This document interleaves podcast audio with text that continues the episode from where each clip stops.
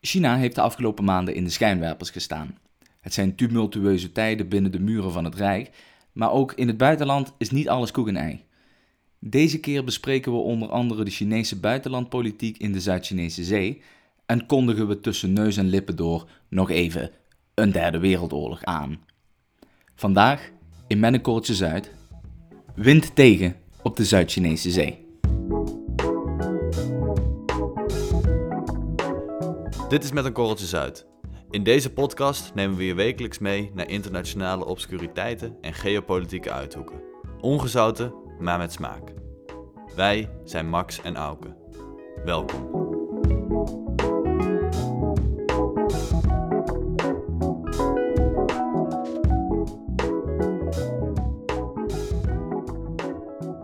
Vorige week kregen wij, of ik trouwens, kreeg een berichtje van een luisteraar, tevens vriend van mij, over het nieuwsbericht dat Chinese soldaten eh, op de vuist, hè, ik herhaal op de vuist, zijn Ja. gegaan met Ja. Indiaanse soldaten, daar bij de grens, je weet het wel, ergens eh, in de, Diep in die- de Himalaya. in de Himalaya, exact. Het is niet Ja. ergens dat ze daar, eh, weet ik veel, ergens tussen uh, Pijnakker en Zwolle eh, op, op een of ander voetbalveld met elkaar liggen te knokken. Maar nee, dus boven, boven in de Himalaya hebben die twee legers met elkaar geknokt. Met, al met knuppels en met, met, met stenen hebben ze elkaar bekogeld. En daar zijn doden bij gevallen. Ja, En toen... een stuk of twintig zag ik. ja, dat vond ik wel heel bizar. Ja. Dit klinkt, dit klinkt weer zo- Dit klinkt eh, te raar om waar te zijn. Ook omdat het een soort... Het was een heel klein nieuwsartikeltje, wat de dag erna ook weer verdwenen was. Of ja, gewoon in de vergetelheid was geraakt. Maar er zijn dus Chinezen, Chinezen zijn met Indiërs op de vuist gegaan. En hebben dus ook twintig mannen omgelegd daar. Ja. En nu- Maar er is niet geschoten. Nee. Stond er. Nee, nee, Ja. nee. Maar ja, goed, eh, eh, of je nou een knuppel op je kop krijgt of je krijgt een kogel in je hoofd, eh, dood is dood. Ja, maar dit klinkt gewoon als een soort uit de hand gelopen eh, hooligan fight tussen Manchester United en Manchester City. Nou, ik denk dat dat in heel veel opzichten wel met elkaar te vergelijken valt. Hm. Waren het niet dat, kijk, China en India zijn, zeg maar in tegenstelling tot Manchester City, in het bezit van kernwapens.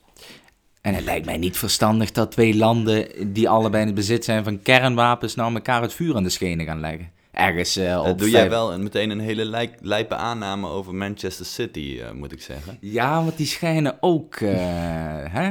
In de catacombes zetten zijn ze Zo- met plutonium bezig, heb ik die, die, begrepen. die spelersbus die ligt vol met, met rotzooi. Nee, dat klopt. Nee, maar goed, je hebt gelijk. Iran, of, India, China, allebei kernmachten. En die moeten toch... eh daar moeten wij als wereld er misschien toch wel een beetje voor waken... dat, dat, dat het brandje geblust wordt. En dat, dat, eh, Juist, dat, een beetje, dat ze in rustig vaarwater komen. juist. En dat is alweer een mooie knipoog trouwens in deze podcast. Maar goed, dat werd me dus toegestuurd. En toen, da- toen dat- zo gaat dat dan. Dan eh, zeg ik, hey, Auke, ik kreeg dit toegestuurd en dan hebben wij het erover, bla bla bla. En toen bedachten wij ons dat China zich wel op erg veel stukjes grond Mhm. Eh, eh, eh, dus zoals ik al zei in de introductie, in, in het land zelf, maar ook in het buitenland, toch wel redelijk bemoeid met de zaken van wat wij dan interpreteren als eh, anderen. Maar China Ja. houdt daar een beetje zijn eigen filosofie op na. Ja, die zijn een soort in geopolitieke pestkoppen. Juist. Hè? Dus op de vuist gaan met Indiërs. Hongkong, Ehm, juist, dat. met Oeigoeren eh, in het westen. Ja, dat is misschien wel iets meer dan pestkoppengedrag. Want dat is gewoon echt heel lijpe concentratiekampen opzetten. Maar goed. Ehm, ja, en waar we het dus vandaag over gaan hebben. De Zuid-Chinese Zee. En daar zijn ze toch wel pestkop nummer één. Als ik het zo eh, een, beetje, een beetje begrepen heb. Ik hoor het je zeggen. Ik denk dat wel, wel on- onze sponsor Alibaba, die, is, eh, die haakt af nu, denk ik. En ook Huawei, die ons gisteren nog eh, twee eh, 5G-telefoons opgestuurd heeft, die is ook eh, klaar. Nee, maar goed. De Zuid-Chinese Zee. Ja, we moeten misschien even uitleggen wat daar nu aan de hand is. Ja, jij, ik weet er niks van. Nou goed, ik heb al een idee, maar... Eh, de Zuid-Chinese Zee is, het is helemaal niet. Het is voor de geopolitieke eh, diplomaten die daar eh, iedere dag mee in de weer zijn, is het een heel ingewikkeld conflict. Maar om het heel even het do- do- door te hebben wat er aan de hand is, is het helemaal niet zo ingewikkeld. Kijk even op een kaart of op Google Maps, de Zuid-Chinese Zee. Dat is een soort. Ja, het is een zee. maar het zit een beetje in een soort Dat is wel verrassend. awkward eh, positie tussen een aantal landen in. Eh, China in het noorden, dan heb je Vietnam in het, in het westen en in het zuiden zo heb je nog Maleisië en in het, in het oosten zit de Filipijnen. Ja. Zo, dat, dat gebiedje daar. Nou, in principe niks aan de hand, want er zijn wel meer plekken op aarde waar een stuk of vijf landen zo in een cirkeltje om elkaar zitten. Ehm, maar wat is hier nu aan de hand? China, die claimt eigenlijk die volledige zee als haar eigendom en als haar bezit. Mhm. Ehm, kijk, het claimen van zee is niet iets raars. Dat doet ieder land. Nee, dat doet Nederland Eh, ook. Dat hebben we zelfs in de Verenigde Naties afgesproken met het, eh, de Exclusive Economic Zone, heet dat. Zo. Dat is, dat, is, het- dat is het begrip dat je als land, als je een kustlijn hebt, dus voor Zwitserland gaat dat helaas niet op, maar voor, wij, voor ons in Nederland wel, dan heb je tot, uit mijn hoofd, 200 nautical miles. Hoeveel, hoeveel kilometer dat is, durf ik niet te zeggen, maar 200 nautische mijlen. Ehm, zee, zeeinwaarts heb je de exclusieve economische rechten. Dus, dat mag, dus dan mag je daar olie boren, je mag daar je vissersboten uitsturen, enzovoort, enzovoort. Eh, je mag er in principe mee doen wat je wil, want het is van jou. Je mag daar het zeebed alles da- exploiteren. Ja, ja, je mag de schelpen van de grond gaan, gaan, gaan halen, weet ik het wat. Eh, alles daarbuiten, en dat vond ik dus een mooie term, is de high seas. Dat is internationaal, Internationaal wateren. internationale wateren. Ja, precies. En daar gelden allemaal weer andere dingen voor. Nou, goed. Terug naar die Zuid-Chinese Zee. Eh, zoals ik zei, er zitten er een aantal landen zo omheen. En die hebben dus allemaal natuurlijk een kustlijn. En die hebben dus allemaal, claimen ze van, nou, 200 nautische mijlen die zee in. Dat is van mij klaar. En daar kan ik mijn vissers eh, erop uitsturen. En daar kan ik mijn olie boren of mijn gas boren, weet ik het wat. Dan kan ik mijn Ehm. eh, koraal vergiftigen. Ja, precies. Dat soort zaken kun je daar allemaal doen. Nou, niks aan de hand zou je zeggen. Maar China komt dan komt binnen. En die zegt, ja, in 1930 heb ik, eh, hebben wij een kaart opgesteld. En daar zien we een, een zogenaamde nine dash line. En Mhm. dat is een, ja, een negen, negen strepen lijn. Mhm. En dat is nu een begrip geworden. Oké. Ehm, want die 9-dash line, die, die stippellijn, die woekert eigenlijk zo helemaal door die zee. Rup. Ehm, en die eh, maakt een flinke om, een, een flinke lus door die zee, alsof zeg maar. En daarmee claimen ze dus eigenlijk die volledige zee. En zeggen ze, ja, die, die 200 nautische mijlen van Vietnam en Maleisië, weg ermee. Want kijk, dit is onze zee. Hmm. Ehm, wat natuurlijk wel belangrijk is om te onthouden met die 200 nautische mijlen. Kijk, Nederland, nou zeg Frankrijk en Groot-Brittannië, die zitten niet dusdanig ver van elkaar vandaan dat ze allebei 200 nautische mijlen Ze kunnen zitten claimen. hè. Dus dan- minder dan 400 nautische mijlen uit elkaar bij het kanaal. Juist. Dus in het midden, dan moeten ze toch eh, de handen schudden.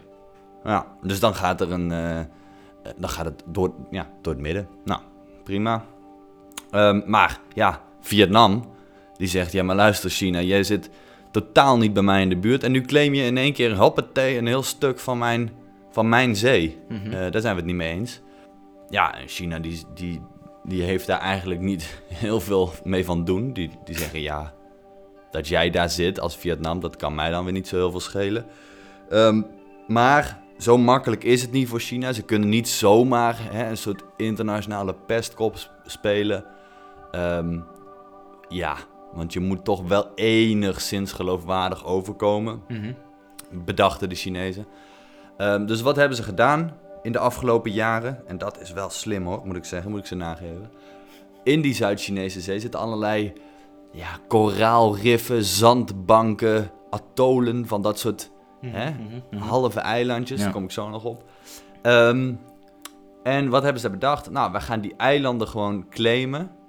Eh, en daar gaan we dan gewoon hele lijpe militaire basissen opbouwen. Met, met, met gewoon airstrips en barakken en Mhm. luchtafweergeschut en dat soort zaken. En dan kunnen ze vanaf daar weer 200 mijl verder. Ja, precies. Dan zeggen ze, ja, maar kijk, Nou, mag Ehm, dat? Kan dat?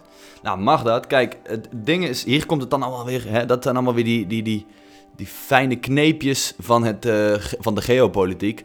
Want dan, dan kom je bij het, eh, eh, de definitie, wat is een eiland? Want, ja, ja. Ja. maar het, is- het is heel belangrijk, want een land dat heel veel eilanden heeft, hè, denk aan Indonesië. ehm, ja, waar, waar zit zeg maar de grens tussen een, een rotje in de zee en een, en een groot eiland? Mhm. Dus vanaf, want een rots in de zee, ja, als je dat als eiland kan claimen, dan kun je dus rondom, dan kun je er een, een cirkel omheen trekken. En dan 200 nautische mijlen aan alle kanten naar buiten. Boom, heb je een heel groot gebied waar je alles mee kan doen. Ik heb hier dan eh, www.un.org voor me. Dus dat is de website van de Verenigde Naties. En dat zijn toch de mannen die daarover gaan. En die hebben een, eh, ja, de definitie van een eiland. En dat zijn eh, drie punten. Die tweede sla ik even over, want dat is een redelijk saai, een redelijk saai punt. Gaat niet, is niet zo heel belangrijk. Eh, maar de eerste is als volgt. Ik zeg hem even in het Engels, hè, want ja, zo, zo zijn ze daar. Uh, an island is a naturally formed area of land surrounded by water, which is above water at high tide. Kijk, dat is belangrijk. Dus Ja. ook met, als het vloed is, moet het nog steeds boven water zitten. Ja, is wel handig als je daar een Eh. vliegbasis opzet en wat barakken. ja. Sta je niet tijdens je lunch eh tot, je, tot je knieën in het water. Dat is wel handig. Precies, precies. Ehm, en dan rocks, which cannot sustain human habitation or economic life of their own, shall have no exclusive economic zone or continental shelf. Oftewel, een klein rotje is geen eiland. Je moet er op kunnen wonen of economische bedrijvigheid op kunnen eh, uitvoeren. Je moet er ja, dus kunnen handelen of weet ik het, iets eh, ja, gewoon erop kunnen wonen. Dus eh Schiermonnikoog is een eiland, maar een zandbank waar wat, waar wat eh, zeehonden op liggen is geen eiland. Snap je? Dat is Schiermonnik ook eigenlijk, hè. Ik hoop niet dat we heel veel luisteraars uit Schiermonnikoog hebben. Nou goed, dus, eh, dus eh, eilanden, dan, hebben we de, dus dan, dan weet je wat de definitie van een eiland is. En dat heeft China ook door. Dus wat hebben die bedacht? Wij gaan die koraalriffen, ja, dat zijn dan niet echt eilanden, gaan we gewoon opspuiten. Een soort oud-Hollands eh, gebruik hebben ze gewoon overgenomen. Gaan ze gewoon land opspuiten, heel die koraalriffen naar de tyfus. Mhm. Maakt niet uit. Poldertje. Want ja, dan kun je er een vliegbasis neerzetten en wat militairen daar neerzetten. Ja, en dan begint het in één keer al een stuk meer op een eiland te lijken. Want als, als dat eilandje dan ook nog een soort winkeltje heeft waar wat militairen hun boodschapjes kunnen doen, ja, dan, dan kun je dat al gaan disputen. En dat, eh, dat is ook gebeurd. Volgens mij was het de Filipijnen die, die uiteindelijk China eh, ja, mee naar Den Haag getrokken heeft, naar het eh, International Court of Justice. Want die gaan daar dan over. Hè? Dan, dan zeg je, ja, ik ben het er niet mee eens dat China daar zit. China zegt, ja, ik ben het er niet mee eens dat jij het daar niet mee eens bent. Nou, dan ga je dat samen uitvechten in de International Court of Justice in Den Haag. Overigens had China daar geen zin in en die zei, bekijk het maar, ik ga niet mee. Het boeit me niet wat ze daar in Den Haag zeggen. Nou ja, hè, dat is allemaal weer dat spelletje. Eh, ja, de Filipijnen ging daar wel heen en uiteindelijk heeft inderdaad in, in Den Haag hebben ze ehm, eh, de Filipijnen gelijk gegeven. Want ze zeiden, ja, het is dus A, niet een naturally formed construction, hè, zoals we net zagen. Het is, een, het is opgespoten. Maar ook, ja, dus je kan daar niet eh, menselijk leven onderhouden. Want al die militairen die daar zitten, die worden nog steeds bevoorraad met allerlei vliegdekschepen vanuit Beijing. Ja, dus die hebben eh, gezegd dat zijn geen eilanden en die zijn niet van China. Mhm. Ja, Maar mag ik jou een vraag Ehm, stellen dan? Want ja. ik denk dat er nu eh, twee type luisteraars zijn. Eh, het- eerste type, dat, is, dat zijn eigenlijk de jongens en meisjes zoals wij eh, twee. Die denken, oh interessant, ja, de definitie van een eiland, et cetera, de UN, bla bla bla. Je kent het wel, China, nou, hartstikke leuk en aardig. En die koken ondertussen rustig een omelet. Dan is er nog een andere groep die denkt, nou, alles leuk en aardig, die hele podcast van jullie over China, die eilanden en eh, wie dan nou wel of niet daar een eiland opspuit ergens in de Zuid-Chinese zee. Maar wat, wat heb ik daaraan? Snap je? Wat, wat is je punt Ja. met die eilanden? Ehm, Nou, en ik kan ze geen ongelijk geven. Wat is het punt met die eilanden dan? Nou, dat is een goede vraag. Eh, je moet je voorstellen dat China natuurlijk een land is wat eh, toch wel langzaam, maar zeker stapje bij beetje, ja, die wereldleiderspositie, stapje voor stapje. precies, eh, worden zij toch langzaam maar zeker die, die wereldleider. Mhm. Ja, wat heb ik daar dan aan? Nou, ook niet zoveel. Maar het is wel zo dat die Zuid-Chinese zee niet zomaar een IJsselmeertje is. Hè. Dat- ik bedoel, dit is een, een zee waar 30% van alle wereldhandel die over het water gaat, eh, gaat daar doorheen.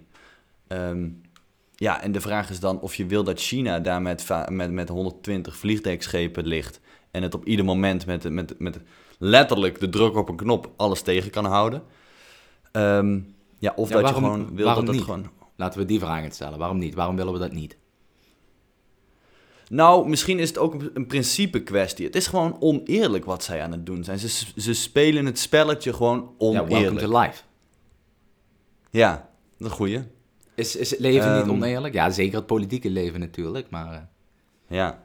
Maar je kan ook zeggen, hè, de, ik speel even advocaat van de duivel. Stel nou eens dat blijkt dat zij in tegenstelling tot, tot Amerika, wat mij betreft, eh, een betere hegemoon kunnen zijn. Met andere woorden, dat ze zich misschien eh, niet zo heel erg bemoeien met wat er gebeurt in landen waar allerlei grondstoffen zitten. Overigens, hè, de Chinezen die Mhm. hebben er ook een handje van om overal eh, binnen, te, binnen te trekken, maar dan weliswaar niet met ja.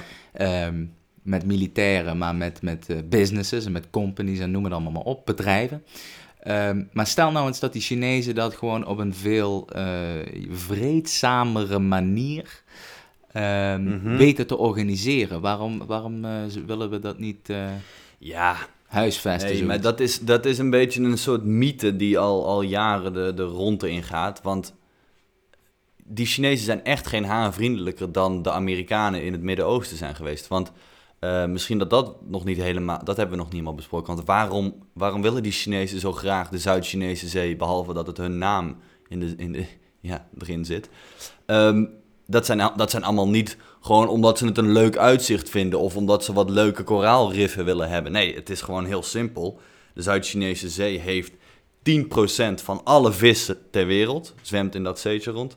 Eh, daarnaast heb je nog 11 miljard vaten olie, daar, die, die daar ongepompt eh, onder water liggen. En nog 19 biljoen, met een B, eh, kubieke voet gas. Mhm. Dus het zijn allemaal. het- dus die doen precies hetzelfde als die Amerikanen in Irak hebben gedaan. En die graag die grondstoffen willen hebben. Ja. Ik vind het Ehm, dan wel anders dat ja. je ergens een, een eiland claimt en dan vervolgens weigert naar eh, Den Haag te gaan. Is dan tot daaraan toe. Maar het is wel iets anders dan dat je een Mhm. land binnenvalt met 30.000 man en daar alles kort en klein slaat wat je tegenkomt. Nogmaals, Ja. advocaat van de duivel, Ja, hè, want ik snap natuurlijk waarom we daar een probleem mee hebben. Ja, het is natuurlijk een, het is de zee, hè? Dus het is onbewoond. En, ehm, en het druist er gewoon in tegen alle principes eh, van, ja, in dit geval dan het zeerecht, maar ook gewoon van internationaal Mhm. recht en hoe we dat het liefste met elkaar zouden willen eh, organiseren. Wat overigens raar is, want Chinezen die zijn, eh, ja, die hebben eigenlijk als politieke filosofie, of in ieder geval internationale politieke filosofie, wel een soort peaceful coexistence, confucianistisch-achtig Mhm. systeempje. ja, de- Ja. tenminste, dat houden ze ons voor. Maar ja, als ze Ja. overal, eh, ja, je kan, je, kan het, je kan het eigenlijk eh, in iedere windrichting hebben ze wel een conflict. Ofwel aan de grens, ofwel Ja. over de grens. Dat ja, is een beetje raar. want we hebben het ook nog niet over Taiwan Nee, gehad. nee, nee, inderdaad. Want is het niet zo, ik heb wel eens gelezen dat eh, Taiwan ook die, die, die eilanden in de Zuid-Chinese zee Ja. claimt. En dat Ja, China. Taiwan claimt. En dat je dus zeg maar in de achtergrond eigenlijk blijft China een beetje buiten beeld. Maar ja goed, Taiwan is toch van China. Dus China denkt dan, nou ja goed, weet je, laat die Taiwanese dat maar uitbuttelen. En dan pakken we dat daarna wel over. Ja. ja, dit is een schaakspel wat op heel hoog geopolitiek niveau wordt uitgespeeld. Over wie krijgt de schuld waarvan, wie doet wat en welke intentie zit daar dan in achter. Mooi is dat. Zo zie je dus bijvoorbeeld ook dat heel veel landen, en dan met name Amerika, die weigeren natuurlijk te erkennen dat China daar eh, rechten heeft op die eilanden. Eh, en dan krijg je iets moois, wat dan weer echt een soort obscuriteitje in de geopolitieke regels is. Ehm, want dan moeten we het heel. We hebben het nu gehad over die, eh, die economic zone. Dan mag je dus hè, de olie uit de grond boren als het van jou is. Dan heb je nog iets anders. Dat is namelijk de right of passage. Of de freedom of navigation heet dat dan in mooie VN-termen. Eh, wat houdt dat dan weer in? Eh, dat houdt er gewoon heel simpelweg in dat als jij eh, een boot bent, en of dat nou een kleine schipper uit uh, Apkoude is of gewoon een Amerikaans vliegdekschip is, en je, moet ergens doorheen varen, hè, dat, dat, kan de Middellandse Zee zijn, ja, dan kom je natuurlijk op een gegeven moment kom je wel binnen die economic zone en vaak zelfs nog dichterbij en dat heet dan de territoriale wateren. dat is 12 nautische mijlen, um, maar dat mag. Je mag in principe als Amerikaans vliegdekschip langs Schiermonnikoog varen. En dat, dat, dat, dat zou in principe geen probleem moeten zijn. Er zitten een paar regeltjes zijn. Je mag dus niet ondertussen ook nog militaire activiteiten doen. Hè? Dus je mag niet in gevecht zijn. Je mag ook niet allemaal wetenschappelijke onderzoeken doen. Nee, het is heel simpel. Als jij een Amerikaans vliegdekschip bent en je moet toevallig langs Schiermonnikoog, dan mag dat, maar dan moet jij in een rechte lijn doorvaren, niet stoppen onderweg, gewoon rustig doorvaren en je, en je niet bemoeien met ons, zeg maar. Daar komt het op neer. En dan kun je er gewoon langs. Um, nou, wat doen die Amerikanen dan in de Zuid-Chinese Zee? Want die varen daar ook geregeld met vliegdekschepen en alles. Om dan te laten zien dat ze het helemaal niet eens zijn met die Chinezen en hun claims op die kleine eilandjes, gaan ze in plaats van rustig in een rechte lijn langs die eilandjes varen, gaan ze expres allemaal zigzaggend erlangs en allemaal lopen klieren, zeg maar. Om, om maar te laten zien van nou, ja maar dit zijn niet die territoriale wateren, want dat zijn geen eilanden. En dan zeggen die Chinezen, ja maar dit zijn wel eilanden en volgens dit VN-verdrag moet jij in een rechte lijn rustig doorvaren. Ja, en dan krijg je dan, dat is een soort diplomatiek geklier onderling. Dan gaan ze lekker zigzag En dan met de totale bemanning van zo'n vlota die bordelen af op die eilanden. Um, ja, Oké, ja. ja. dat soort geklier, dat, dat bestaat natuurlijk. Maar ik zit me de hele tijd af te vragen, ik zit me de hele tijd te, te, te bedenken. En ik zei dat mhm. net ook al, dat dit toch echt, die Chinezen, uh, die moeten zich toch, uh, ja, die zijn zich toch wel uh, bewust van wat ze dan in het Westen wel eens de, de Chinese threat hebben genoemd.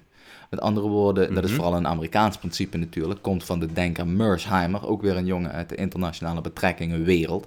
En hij zei, mm dames en heren, jongens en meisjes, ik zou me een beetje druk maken over het feit dat China de nieuwe hegemoon wordt, want dat brengt natuurlijk allerlei uh, ja, vooral natuurlijk culturele verschuivingen met zich mee, maar ook ja, op, op juridisch vlak krijg je dan wat verschuivingen en hè, die democratische zaken die daar nog niet helemaal tot, uh, tot, tot, tot bloei zijn gekomen in dat land, et cetera. Er zijn heel veel dingen die daardoor zouden kunnen veranderen. Maar eh, nu is het zo dat China een soort ja, policy heeft, een soort PR-policy om er alles aan te doen om dat tegen te gaan. Uh, Waar het niet dat Volgens mij vindt China het zelf helemaal niet zo'n probleem. Of zien ze het helemaal niet zo als een probleem om in andermans territoriale wateren te gaan zitten.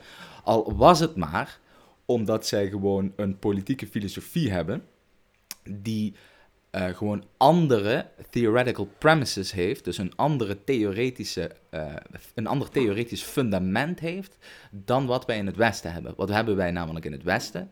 En dat hebben we al eens, wel eens uitgelegd, zeg maar, iedere internationale betrekkingentheorie, die is uh, geschreven, zeg maar, binnen het spectrum uh, liberalist, uh, realist. Oké? En die hebben als startpunt de nazistaat, die binnen een anarchisch systeem functioneert. Dus wij, er zijn nou, bijna 200 nazistaten ter wereld en die moeten het met elkaar doen, want er is niet één leider die het allemaal te zeggen heeft. Ja. Terwijl Chinezen, die hebben, ja, dat, dat is misschien een beetje buiten de uh, scope van dit, van dit podcastje, maar die hebben ook zoiets als Tianxia. Ik weet niet of je dat kent. Wauw. Ja, leg uit. Nou, dat is een, dat is, dat, wordt in het Engels wel eens vertaald als All Under Heaven. En dat, ja, goed, dat zegt natuurlijk nog steeds niks. Maar zij denken meer in termen van uh, civilisatie. En zij denken meer in uh, historische termen, in, in de historische ontwikkelingen van landen, dan ja, dus nu zeg maar, de claims van Maleisië in territoriale water. Ik kan me heel goed voorstellen dat een Chinees denkt, ja, maar Maleisië, ik weet niet waar je het over hebt, maar we, zitten toch al, we zijn toch al buren voor 3000 jaar. Wat loop je nou te, te kutten over die, over mhm. die wateren? Uh, wij, wij zijn allemaal onderdeel van, van deze civilisatie, van deze Oosterse civilisatie, waar dus uh, Chungguo, dat, is dus de, dat is dus China in het Chinees, dat schrijf je dus als een middle country of ja, middle territory.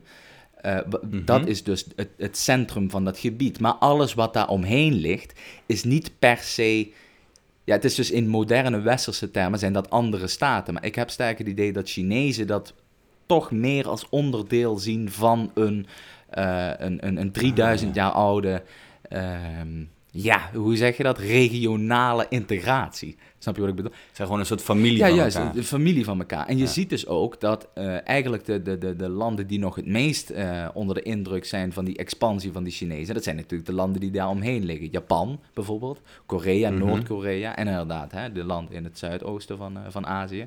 Ja. Die hebben zoiets van, nou dames en heren, jongens en meisjes, ik vind het allemaal leuk en aardig, maar we hebben twee, 2000 jaar onder het juk van die mannen geleefd. Ik vind het wel een keer handig als we zelf ook iets te zeggen hebben. En ik, dat, ja, volgens mij clasht, dat, dat is een soort theoretische clash. Want wij denken, ja. Maleisië, zelfstandig, soeverein, land, mm -hmm. China, wegblijven. En China denkt, ja, ik weet niet. Ja, maar is dit ook niet, kijk, ik, vind, ik, ik ken het, hè, de theorie die je, die je noemt. En het, het klinkt allemaal heel mooi. En als China zou ik het ook zeker in ieder PR-praatje zo aan, uh, aanschrijven. Oh nee, dat zou ik niet doen. Maar... Ik zou gewoon altijd zeggen dat je, dat je respect hebt voor alles en iedereen. Ik ben het er overigens... Je zegt, het klinkt mooi. Ja, oké, okay, maar je, dat heb je dus niet. Nee, maar ja, daarom. Dat, ja, maar de, de praktijk is toch gewoon vrij simpel. Ze zijn daar als een soort uh, vervelend buurjongetje bezig. En, die, en ze claimen gewoon die volledige zee. En dat doen ze helemaal niet uit allerlei mooie uh, overwegingen of een soort gedeelde geschiedenis. Nee, het is gewoon heel simpel. Economische motieven zitten daarachter. Ben ik het helemaal mee eens. En overigens, al was dat zo, hè, een gedeelde geschiedenis, dan, dan wil dat nog steeds niet zeggen dat je iets van iemand anders natuurlijk mag, uh, on, ongevraagd mag gebruiken of, of eventueel afpakken. Nee. En dat allemaal nee, over precies. de rug van Confucius. Hè. God, zag het zijn, het zijn ook.